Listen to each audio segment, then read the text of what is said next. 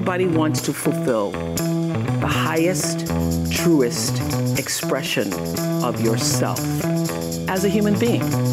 That's what you're looking for. My best advice is to really believe and love what you do. It's about how many times you stand up and are brave and you keep on going. We have been told to live by a certain mold, and it's time to break it. Stop waiting for men to do that. Just start इसीलिए Je luistert naar The Rider, een podcast waarin ik, Rolien, op zoek ga naar de tips en tricks over hoe je je zenuwen te lijf gaat. We kennen het allemaal wel. Je moet performen voor iets. Dat kan iets kleins zijn, bijvoorbeeld een presentatie op je werk of je moet een vergadering voorzitten. Maar het kan ook iets groters zijn, zoals een talk op een event of je eerste interview voor je eigen podcast. De zenuwen krijg je er gratis bij en kunnen je behoorlijk in de weg zitten. In deze serie ga ik met mensen in gesprek die het pad naar het podium al hebben bewandeld. Het podium pakken gebeurt natuurlijk in allerlei vormen. Zo spreek ik deze week met Noemi Prent, die sinds 2023 het podium pakt omdat ze de nieuwe hoofdredacteur is van het magazine Opzij. Deze rol deelt ze samen met Marleen Hogendoorn. En voor degenen die Opzij niet kennen, dit magazine was het allereerste feministische blad van Nederland. En het bestaat dit jaar 51 jaar. Mijn moeder las het vroeger en nu lees ik het. Nu ga ik met Noemi in gesprek over hoe het is om ineens hoofdredacteur te zijn van een magazine. Wat komt daar allemaal bij kijken? Want het is niet alleen meer stukken schrijven, ze zal ook journalisten, medewerkers moeten aansturen. Ja, en ook als hoofdredacteur ben je vaker in de media en moet je zichtbaar zijn. Hoe gaat ze hier allemaal mee om? Ja, en natuurlijk kon ik het niet laten om ook even te vragen naar haar salaris.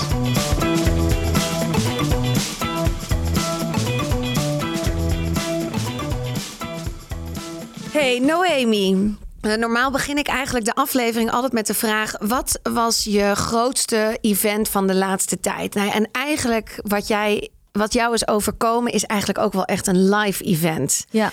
En daar wil ik het heel graag met je over hebben. Kan je me vertellen wat het live event was voor jou? Ja, um, het was, ik meen, eind oktober. Ja, en toen, um, nou eerder vorig jaar is de hoofdredacteur van Opzij uh, overleden, Marianne Verhoeven. En um, daarna hing het een beetje in de lucht wie de nieuwe hoofdredacteur zou worden. En ook of, ja, zou Opzij nog wel voort kunnen bestaan? Kunnen we wel doorgaan? Uh, nou ja, met veel improvisatievermogen liep dat door. Ik was al langer freelance journalist voor Opzij. Dus uh, zes keer per jaar kwam Opzij uit. En regelmatig schreef ik dan iets. En toen had de uitgever, tevens de man van de overleden hoofdredactrice... ons uitgenodigd, mij en um, Marleen Hogendoorn... om eens langs te komen voor koffie... Um, zij was ook al langer betrokken bij Opzij. En ik dacht eerlijk gezegd, wij zijn een van de jongste journalisten um, bij Opzij. Dat, ja, we kenden hem ook wel. Uh, en Marianne natuurlijk ook.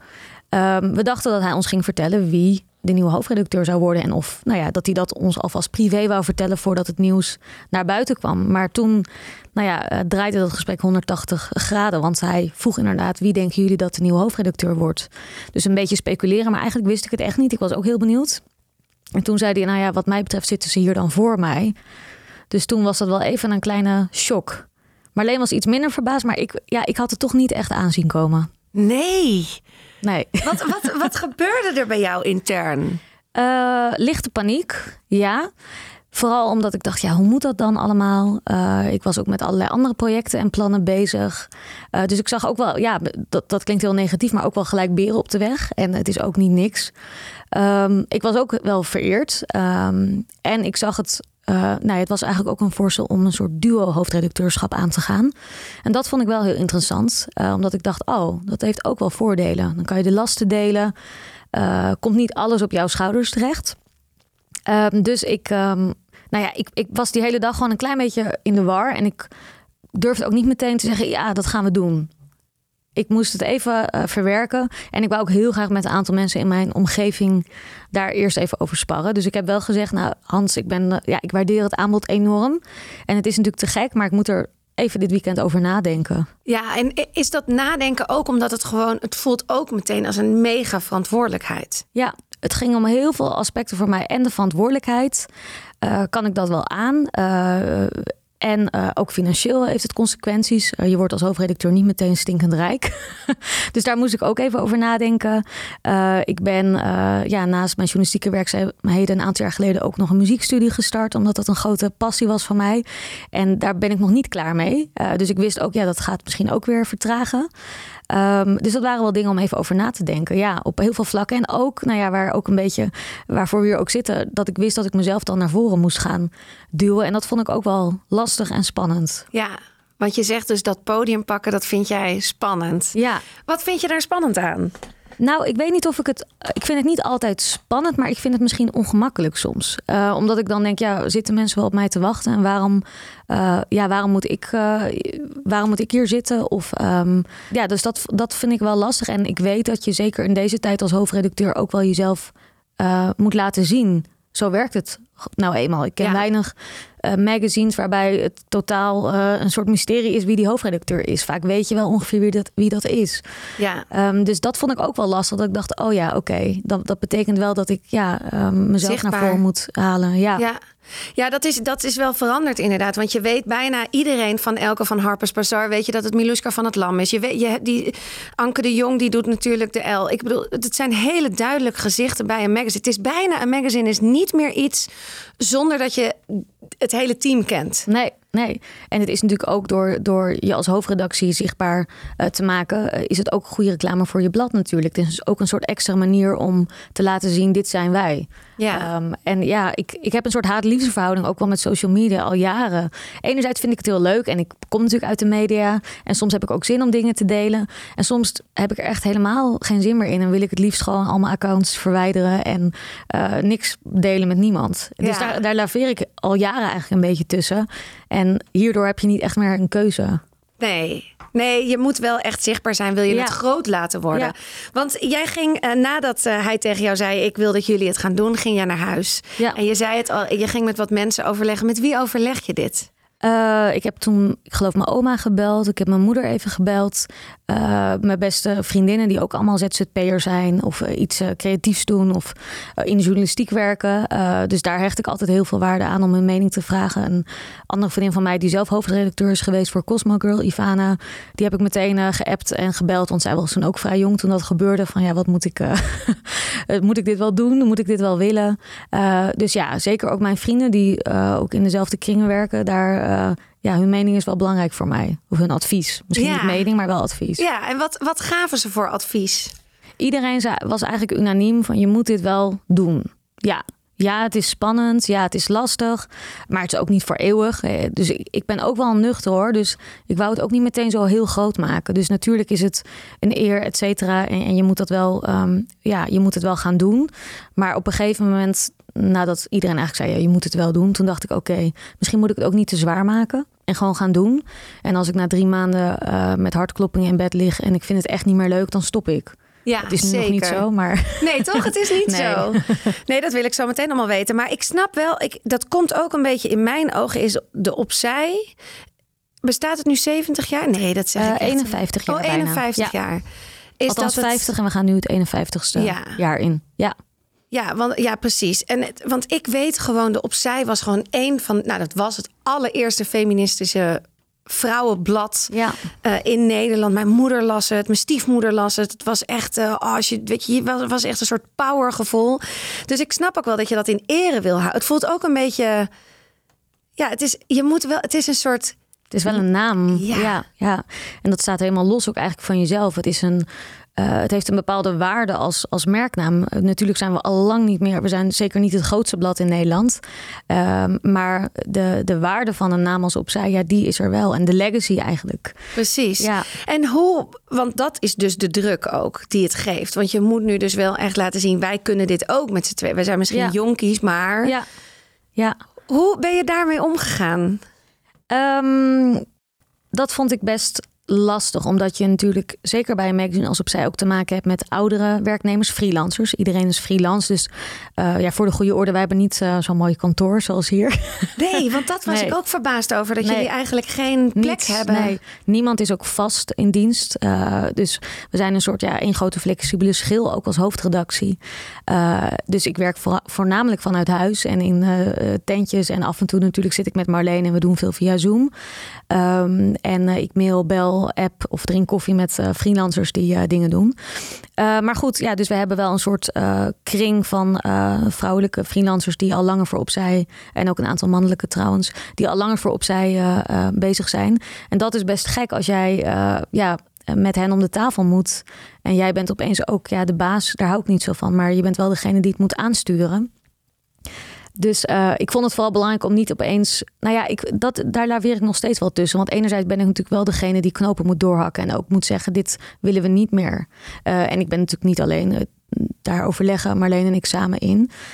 dat vind ik best lastig soms. Maar ik heb wel het gevoel dat je daar natuurlijk in kan groeien. En ik probeer mezelf ook te vertellen: ja, ik ben geen 16. Ik ben ook bijna 30.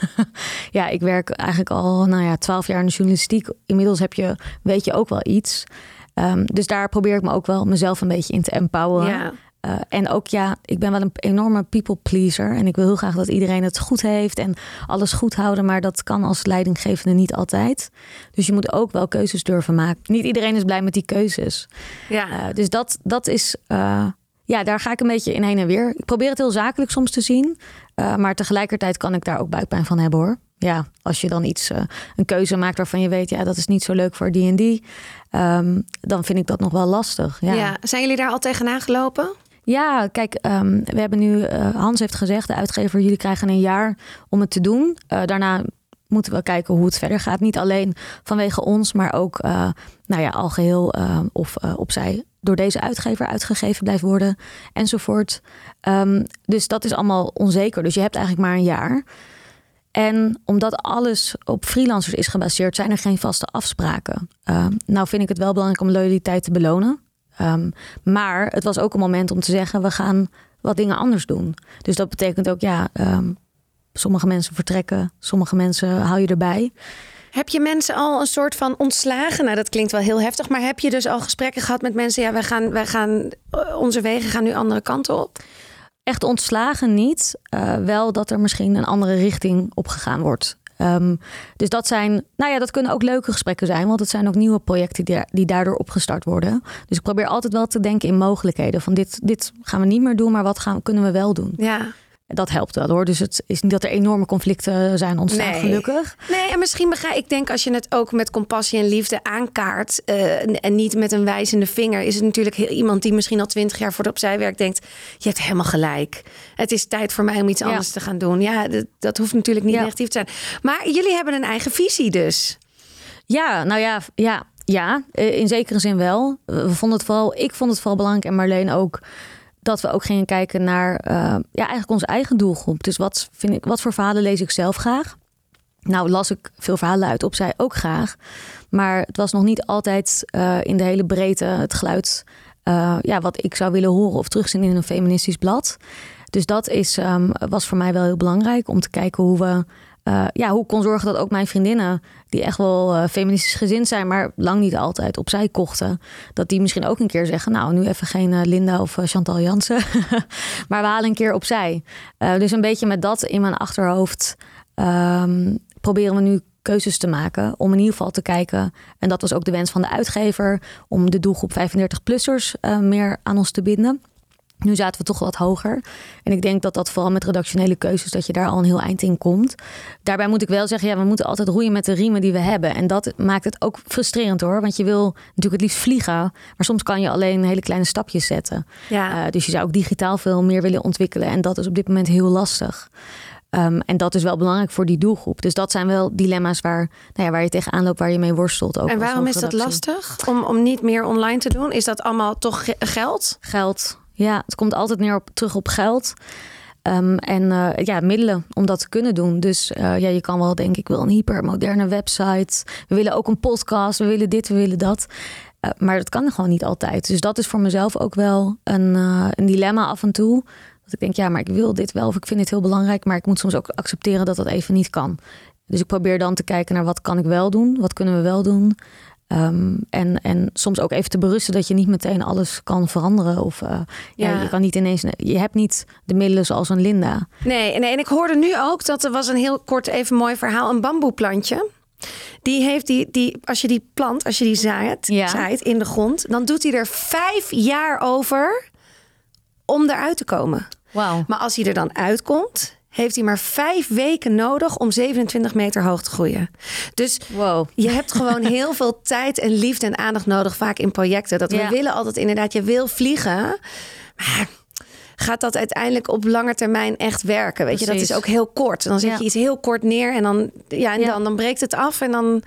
Dus nee, misschien is dat ook wel goed. Maar ja, dat maakt het ook wel spannend. Hoe, was de, de hoe, hoe ging het met de zenuwen op het moment jullie eerste druk is uit. Ja. Jullie eerste eigen opzij. Ik vond het al een andere tone of voice. Voelde ik heel erg erin. Ja. Uh, ja, toch wat hipper. En ik vond de voorkant ook wat lichter met Victoria Koblenko. Stond er volgens mij, ja. ja, die stond er zeker op. Met, maar ik weet niet, voelde wat lichter.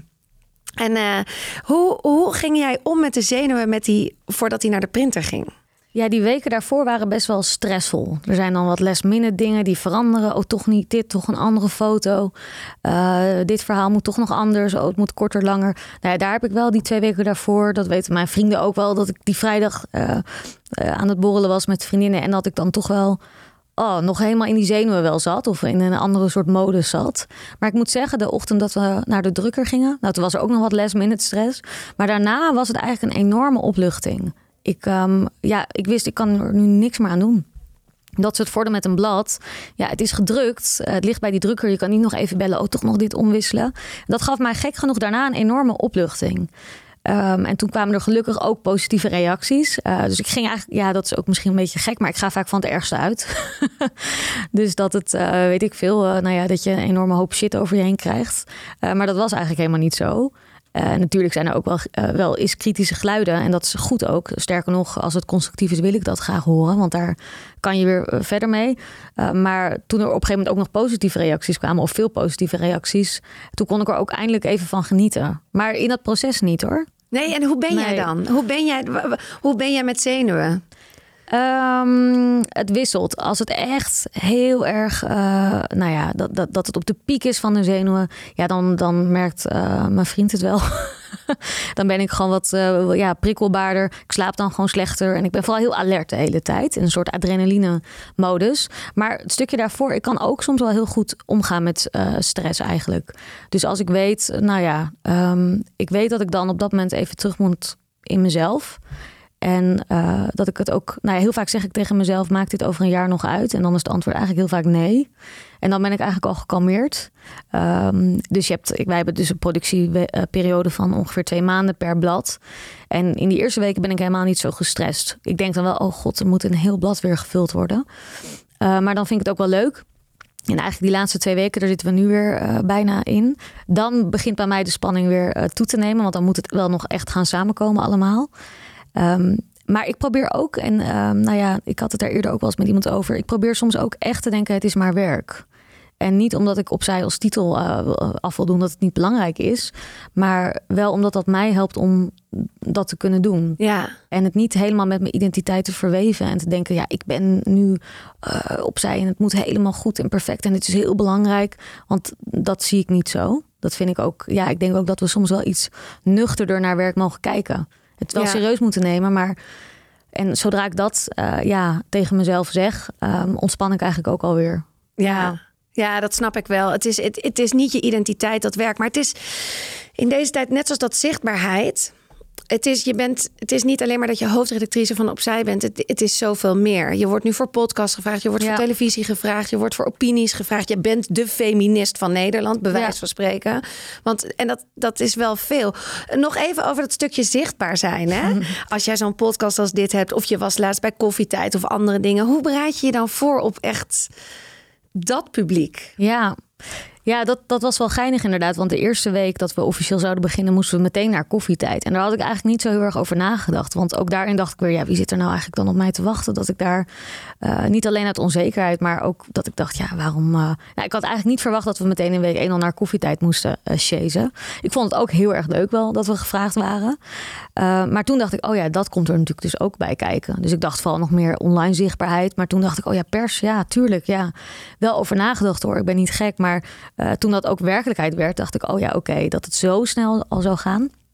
En um, nou, het was wel in de kerstvakantie dat ik af en toe dacht, oh, ik moet meteen naar de kerstvakantie, moet ik naar koffietijd, jeetje. Um, maar ik merk ook daarin weer dat ik vlak voor dat soort performances of in die week er probeer steeds minder mee bezig te zijn. En het gewoon zie als een afspraak uh, waar ik naartoe moet. Ik wel, ik had even een pak. Ik, ik had geen mooi pak eigenlijk. En ik vond het wel leuk om ook voor dit jaar heb je vaker events en dergelijke. Om even een mooi pak uh, te kopen. Dat ik gewoon lekker in mijn, uh, ja, in mijn lijf zit, ja. zeg maar. Dat vond ik wel belangrijk. Want en waar shop je die dan?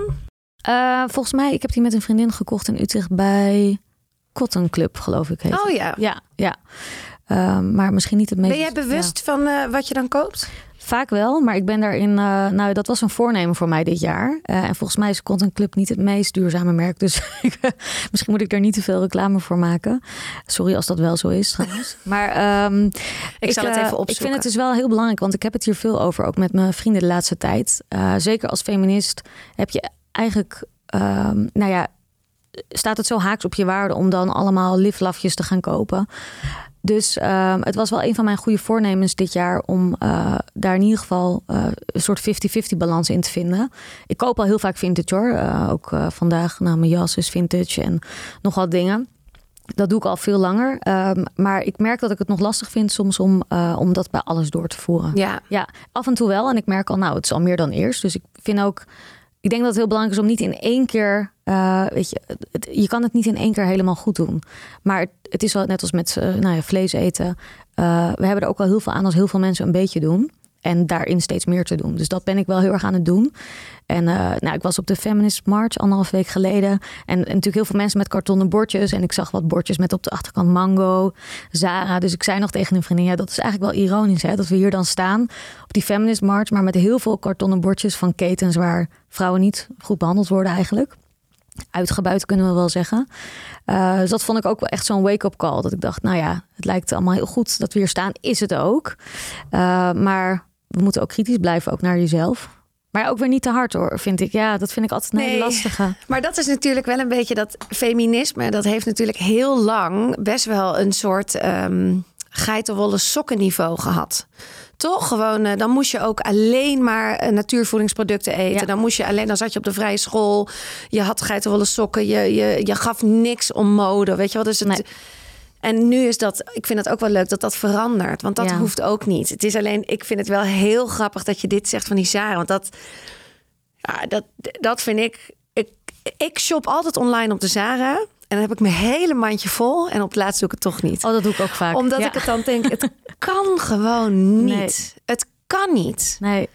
Maar dat is het lastige ook weer als freelancer. Het is natuurlijk een hele cirkel. Het is niet altijd dat je het niet wilt om duurzaam te kopen. Maar soms kost het mij tijd om dan de juiste merken te vinden. Ik ben wel, uh, we hebben bij Opzij ook uh, nu wat vaker fashion of andere uh, pagina's. Waarbij we wel echt proberen te kijken naar duurzame merken. Dus dat onthoud ik dan of schrijf ik even ja. op. Maar A, het is natuurlijk wel vaak duurder. Dat is volkomen begrijpelijk en logisch. Maar ja, als freelancer heb je het soms ook weer krap. En uh, ja, ik ben van de generatie uh, millennial.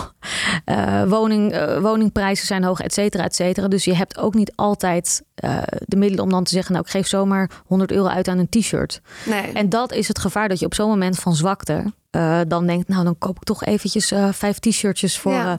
Uh, maar dat is natuurlijk wel ook een zwaktebod. Want nou ja, dan wacht je maar even. Je hebt heus wel een ander shirt wat je nog aan kan trekken. Nou, maar dat toch... is het ook. Want ik denk wel eens, ik, ik, hoeveel hangt er in je kast? Meer dan genoeg. Want nu ook. Jij zegt dan, ik had dan een pak nodig. Want, en ik snap het, hè. Ik ja. heb hetzelfde. Ja. Je hebt dan een pak. Je hebt meerdere persen dingen gaan er dit jaar komen. Maar je ziet er nu fantastisch uit. Ik had ook dit aan kunnen doen naar Precies. koffietijd. Ja. Absoluut. Dat is ook nog echt een soort stukje. eh, ik vind dat dus ook heel interessant om bij mezelf naar te kijken. En om het ook met anderen over te hebben. Want ik denk dat je daarin nog zoveel kan doen. En dat het echt. dat we gewoon een beetje verpest zijn. Ik denk ook wel als vrouw. Ja, ik ben toch opgegroeid met de bladen die mij eh, dieetadviezen gaven. Maar ook fashionadviezen. En met het idee van. Nou, je kan dan niet eh, drie keer hetzelfde truitje aan op, op de foto. Nee, heb je dat echt? Nou, vroeger, nee, niet op gewone foto's, maar ehm, dat het nog steeds zo is dat bladen dan bijvoorbeeld schreven. Maxima loopt weer in dezelfde jurk bij een evenement. en dat dat, dan niet ja. iets goeds, eh, dat dat dan niet iets goeds zou Nee. zijn. Terwijl dat hadden we juist moeten. Nu gelukkig gaan we dat vaker eh, toejuichen. Ja. Ehm, dus ik denk ook dat wij dat met elkaar veel meer moeten doen. Wij complimenteren elkaar als vrouw ook heel vaak. Oh, leuk, heb je een nieuwe broek? Ja. Eigenlijk zouden we moeten zeggen van, oh, heb je weer... eh, Nee, Ja, we maar nee, zouden het. maar Heb je snapt wat ik hetzelfde bedoel. t-shirt ja, aan? Ja, goed, precies. Ja.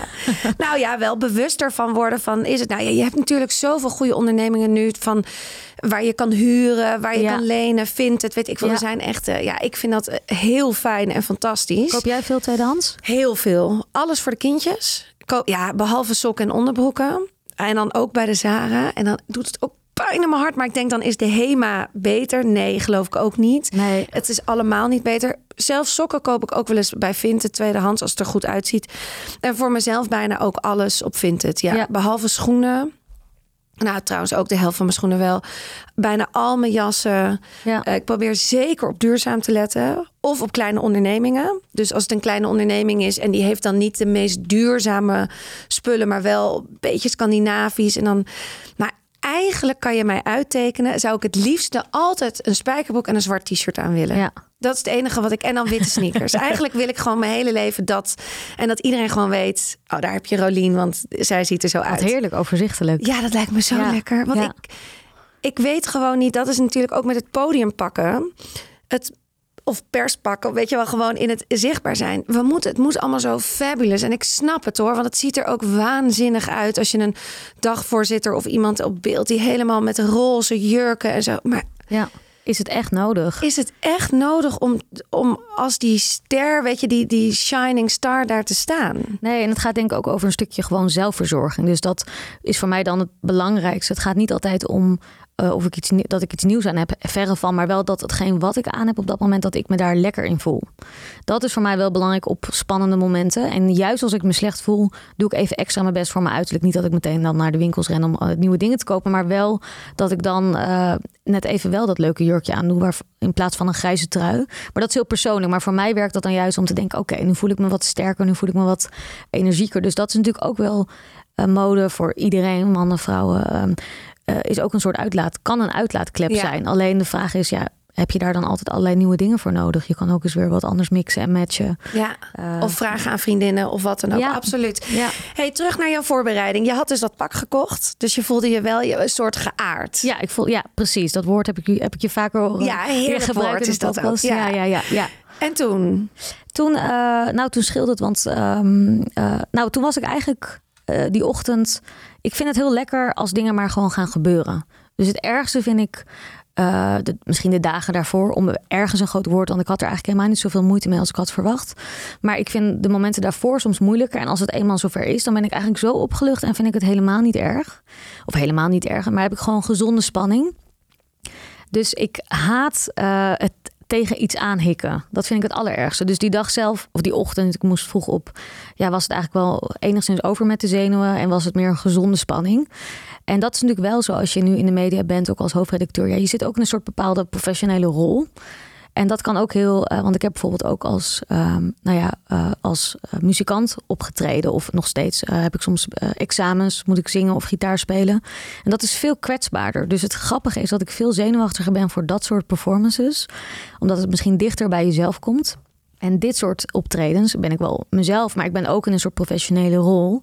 En dan vind ik dat gek genoeg minder, minder spannend. Ja, want de kritiek is misschien anders. Ja, ja, en je moet natuurlijk nog steeds wel dat zelf doen. En eh, ik vind televisie ook wel een lastig medium hoor. Ook zeker voor vrouwen. Want ja, je moet daar ook. eh, je bent ook zichtbaar, letterlijk. Dus mensen vinden iets van je uiterlijk of, eh, of hoe je, weet ik veel, de stand van je ogen.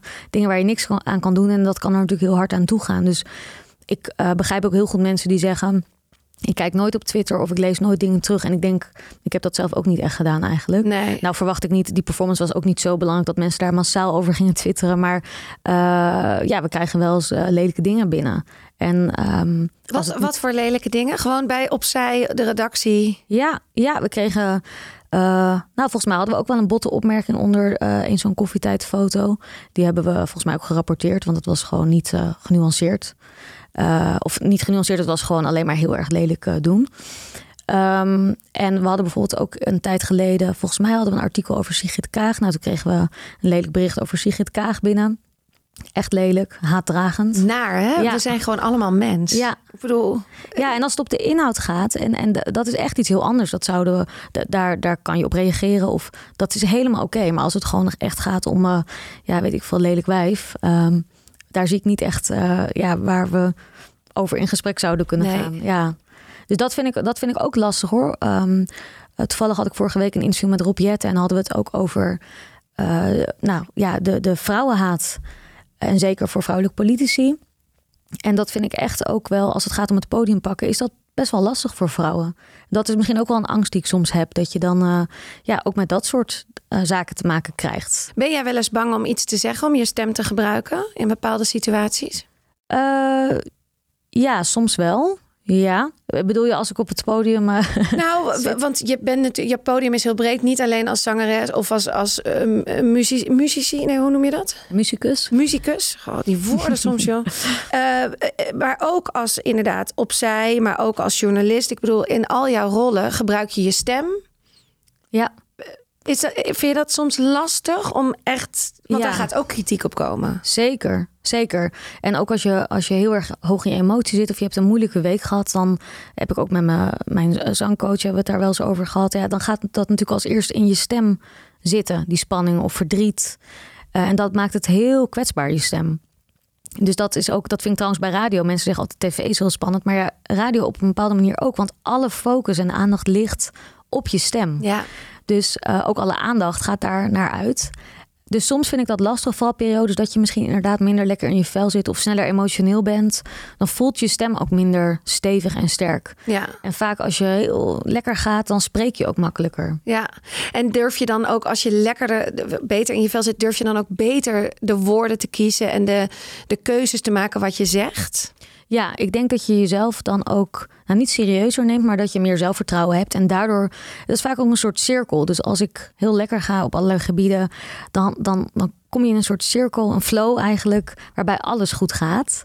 En als ik, nou ja, onzeker ben over iets of er ging iets niet zo lekker, dan kan je in een soort spiraal komen, waardoor ja, dan je volgende uh, uh, afspraak of wat het ook is, of ja, dat je dan dus daardoor minder lekker uit je, uit je woorden komt. Ja. ja. En hoe zorg jij ervoor, want dat is een beetje de rider ook, hoe zorg jij ervoor dat die stem dus altijd optimaal is?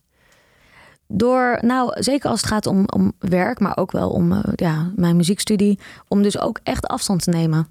Uh, dus dat betekent voor mij, uh, mijn telefoon uh, gooi ik in een hele andere plek van het huis. Even niet op die laptop, met mijn tackeltje naar buiten of iets leuks doen met vriendinnen. even enorm de boel relativeren, humor. weggaan, vooral uit het huis. Even niet, want voor mij is thuis zijn ontspanning, maar ik zie ook altijd die laptop daar liggen. En ja, thuis is voor mij ook werk. En dat vind ik soms best ja, lastig. En um, ik woon niet in een kasteel, dus ja, het is niet dat je een hele andere vleugel hebt van je huis waar je dat uh, doet. Dus dat vind ik soms ook wel uh, uh, lastig. Want ik merk voor mij, om daarna weer met frisse energie dat aan te kunnen gaan, moet ik afstand nemen van of het nou muziek is of werk, mijn laptop. en dan kan ik het weer, ja, dan kan ik er weer met een frisse blik mee verder. Ja, de heb jij nog meer op je rider staan? Als je dus moet performen of als je de weken voordat je heb je zegt van ik drink altijd die thee of uh, ja ik moet dat hebben want dan, uh, dan kan ik echt. Nou, uh, we hadden het al eventjes kort over slapen. Het is voor mij heel belangrijk dat ik goed slaap in hele stressvolle periodes. Dat is natuurlijk een uitdaging, want door die stress slaap je weer lichter.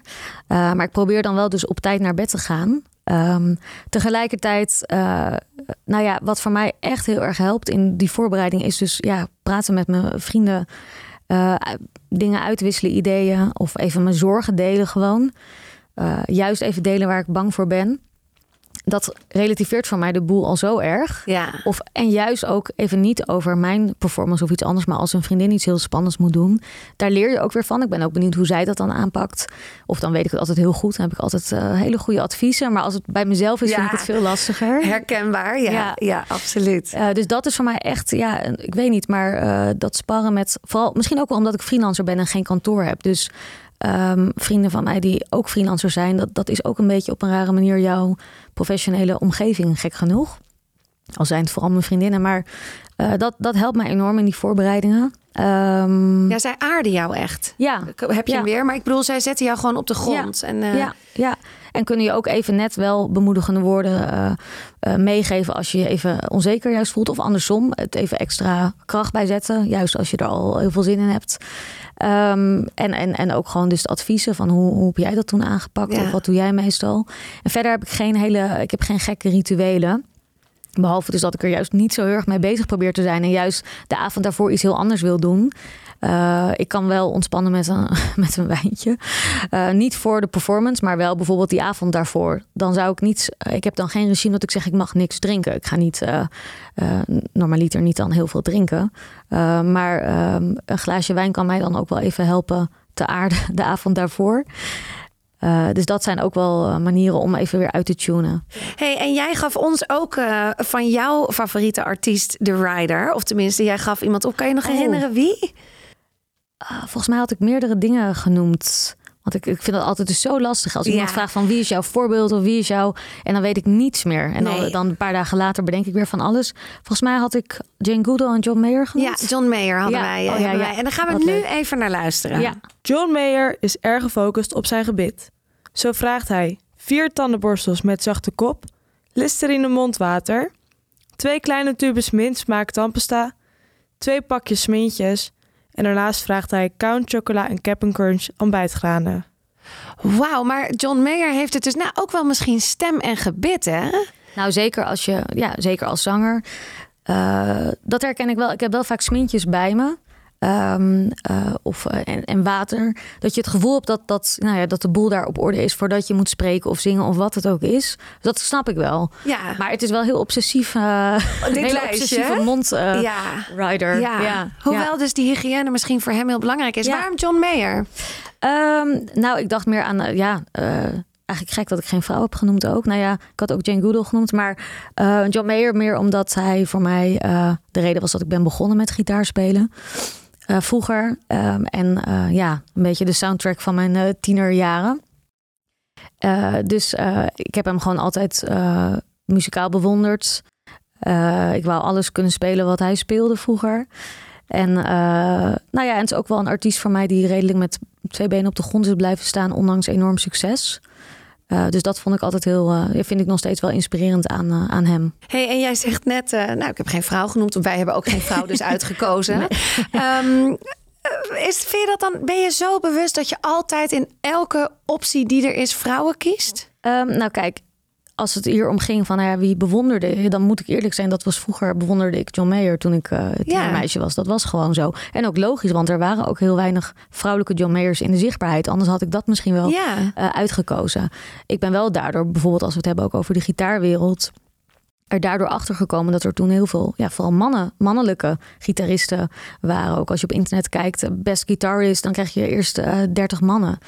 Uh, dus dat heeft ook wel gevoed dat ik, um, uh, ja, um, dat ik muziek wou gaan studeren voor muziekdocent.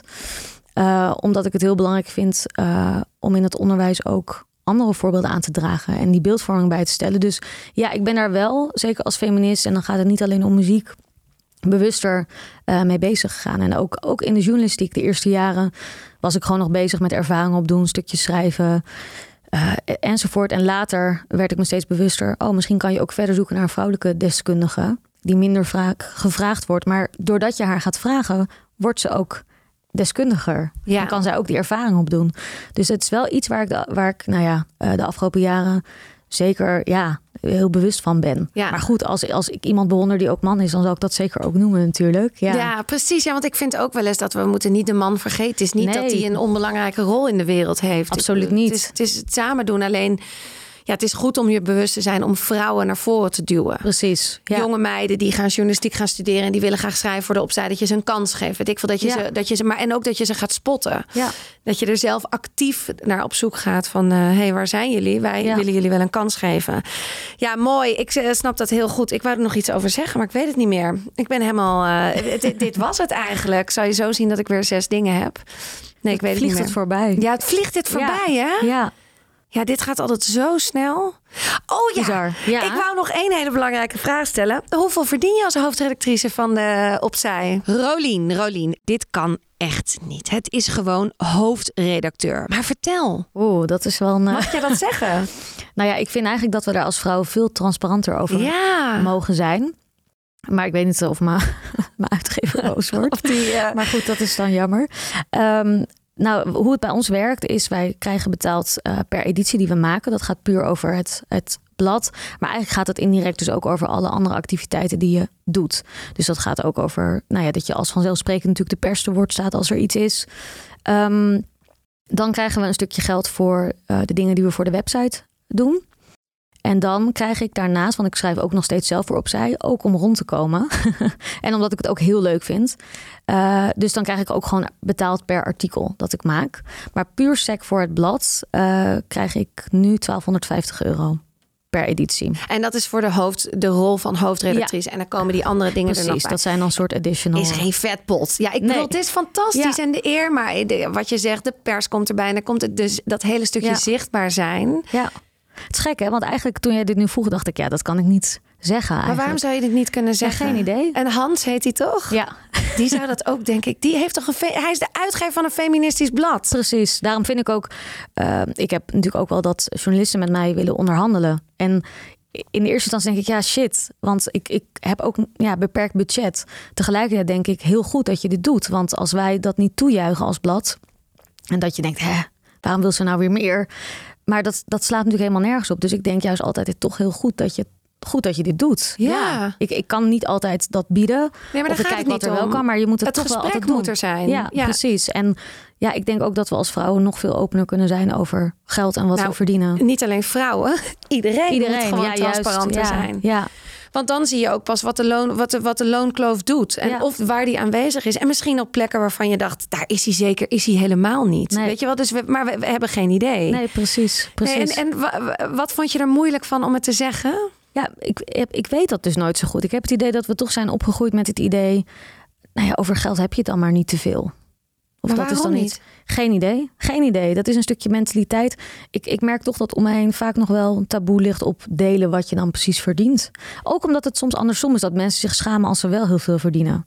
Maar wat een nare afwijzing voor geld, hè? Ja, absoluut. Moet, die, moet je voorstellen dat hij op die, deze bank zat, deze mooie oranje bank. En dat jij zo over geld praat. Ja. Die, die gaat toch, die, die loopt stampvoeten nu weg. Die denkt nou, Ja. als jij zo met mij omgaat. Ja, nee, het, nou ja, daarom zeg ik het ook. Omdat ik gewoon vind dat we daar transparant over Ja. moeten kunnen zijn. Tenzij er een hele goede reden zou zijn. Maar ik zou eigenlijk niet weten welke reden je zou Nee. hebben om daar niet open over te, te zijn. Nee. En is het omdat je misschien ook een oordeel er zelf op hebt? Ehm, Vind je het veel? Vind je het weinig? Vind je het goed? ik vind het natuurlijk te weinig. Veel te weinig. Eh, het is ook iets wat je doet voor, voor, ehm, ja, voor de ervaring. En daar moet ik die andere dingen daar ook omheen doen. Om, Ja. om het, nou ja, te zorgen dat het genoeg is. Eh, en ik doe ook nog wel andere eh, klussen soms. gewoon om rond te komen. Dus, en dat is ook jammer. Want het liefst zou je alle liefde en energie daarin steken natuurlijk. Ehm, dus enerzijds, ja, het is denk ik veel minder dan wat, ehm, nou ja, Chantal Jansen zal Zeker, verdienen. Wel- Weet je ja. wat Chantal Jansen verdient? Nee, Die, als zij in de haar podcast blad is geweest. echt voor haar alleen blad voor haar dan, ja. magazine, ja. Nee, als zij in mijn podcast heeft gezet, dan stop ik. Ja. Dus ik denk niet dat het ooit gaat Nee. lukken. Maar tot die tijd ga ik door. Nee, ik ben Zeg nooit heel nooit. benieuwd. Ik, ik, Wat denk jij? Ik denk dat ze er heel veel voor vangt. Maar ze, heeft, ze is ook oprichter. Hè? Dus Ja. ze heeft zo, wat jij zegt, je hebt, ze heeft zoveel functies daarbinnenin. Ja. Ik denk dat ze voor al die fees, ja, ik denk dat zij zo per maand op 50.000 euro daar, als het niet Ja. meer is, voor alleen dat, hè? Ja. Zeker. Ik denk ook dat, of 50.000 is misschien een beetje overdreven, maar dat ze per jaar daar zeker meer dan een ton uithaalt voor zichzelf. Ja. Vind jij weinig eh, wat wij 12,50? verdienen? Ja. Eh, ja, vind ik wel weinig. ja. Ja, ik vind het weinig omdat ik denk dat, ja, de- ja daarom ben ik ook, eh, dacht ik, nu moet ik abonnee worden. Want ik, ik, ik vind het jammer dat we vaak voor de glamour gaan. Of voor de, dus de, de, de korte concentratieboog. Ja. Ik denk als je opzij leest, dan moet je echt even gaan zitten. En dan, de artikelen zijn wat langer soms. Ze zijn, eh, het zijn echt gekozen. Je, je ga- gaat bewust lezen. Ja. Daar moet je gewoon een beetje concentratie voor hebben. Ja. En dat hebben we tegenwoordig niet. Ik hoop dat we teruggaan met z'n allen naar dat. Ja, dat we dus wat bewuster gaan lezen. Of bewust. Dus ik, ik hoop dat jullie eeuwig blijven bestaan. Ik hoop ook dat jullie ja, meer gaan verdienen. Ja, dat hoop ik ook. Nou ja, Ja. dat gaan we zien eh, na dit jaar. Maar precies, het is ook, kijk, je moet ook ergens beginnen. Ja, je doet het ook niet voor het geld. En ik kom er uiteindelijk prima rond.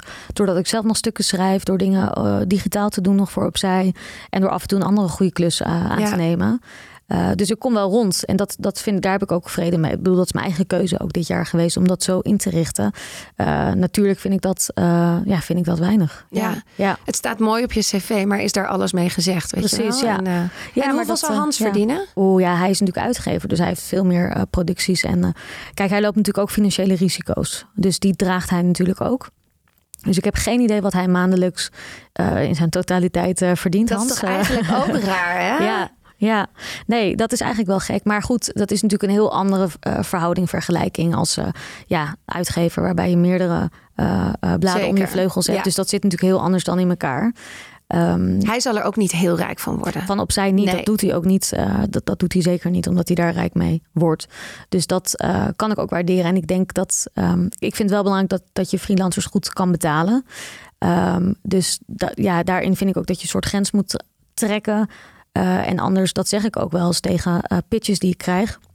Eh, mensen die dingen bij mij pitchen, dat ik zeg: Ja, ik vind het heel leuk of het kan wel. Of ik wil heel graag vette illustraties, maar ik heb maar dit en dit budget. Of ik heb het niet.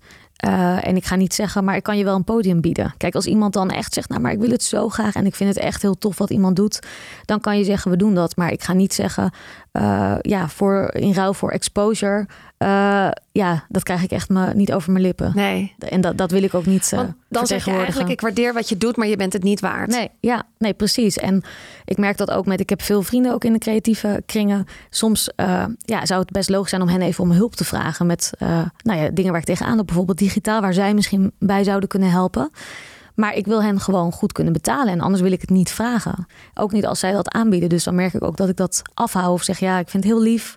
Het zou heel fijn zijn als iemand uh, daar en daarbij wil helpen. Maar nou ja, nee, liever niet. Want ik wil je gewoon kunnen, uh, kunnen betalen eigenlijk. Ja. Als iemand het dan heel erg aandringt, dan is het heel fijn als iemand gratis helpt. Want je moet ook ja, hulp aannemen soms. Absoluut, ja. absoluut. En, het, en soms geeft het ook weer heel veel kansen voor die ander. Hè? Soms is dat podium, heb je dat ook nodig. Precies. Dus het, het kan, Precies. Maar dan, dan kan diegene er wel zelf over nadenken: ga ik dit doen, ja of nee? Ja, dan, ligt dat bij diegene. Ja. En, en als iemand het dan alsnog wil, ja, dan wil ik dat podium bieden. Ja. Tuurlijk, want als ik diegene daar alsnog mee help, maar ik ga dat niet op die manier, dat heb ik zelf in de journalistiek ook te vaak gezien en gehoord. Van ja hoor, dat kan, maar uh, ja, je krijgt er niks voor. Of uh, nou ja.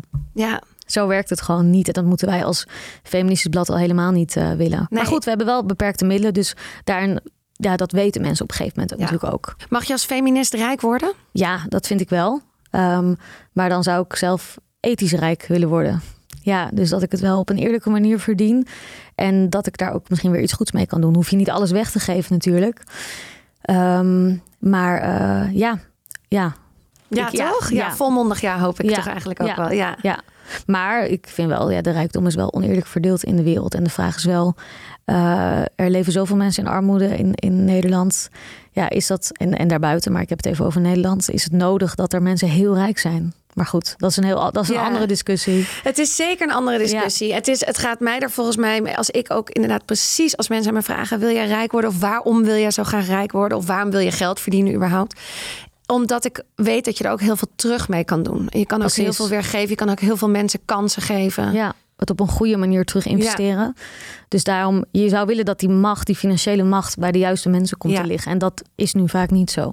Ja. Dus uh, wat mij betreft meer uh, leuke vrouwen die, eh, Ja, die rijk worden. Zeker. En ook gewoon misschien een plafond. Hè? Ik weet dat, eh, Ja. eh, hoe heet hij nou? Erik van Muiswinkel, die zei een keertje... je mag gewoon niet meer dan 10 miljoen verdienen. Gewoon niemand. Ja. Niemand hoeft meer dan 10 miljoen te verdienen. Lijkt me echt meer dan genoeg ook. Is meer dan genoeg. Kan je echt nog drie generaties van heel veel geluk wensen, weet je? Dus- Zeker. Ben ik het mee eens, een hè? plafond. Ja. ja, dus dat had Erik wel goed gedaan. hey, dit was hem echt. Yes. Dankjewel. Jij bedankt.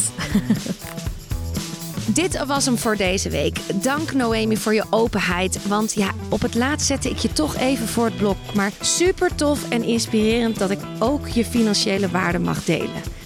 Lieve luisteraars, heb je iets geleerd of wil je iets kwijt? Dan hoor ik dat natuurlijk graag. Je kan me vinden op Hoeveel ben ik waard? De podcast. En vergeet geen sterren in Apple of Spotify achter te laten. Die zijn namelijk heel erg welkom. Voor nu, tot de volgende!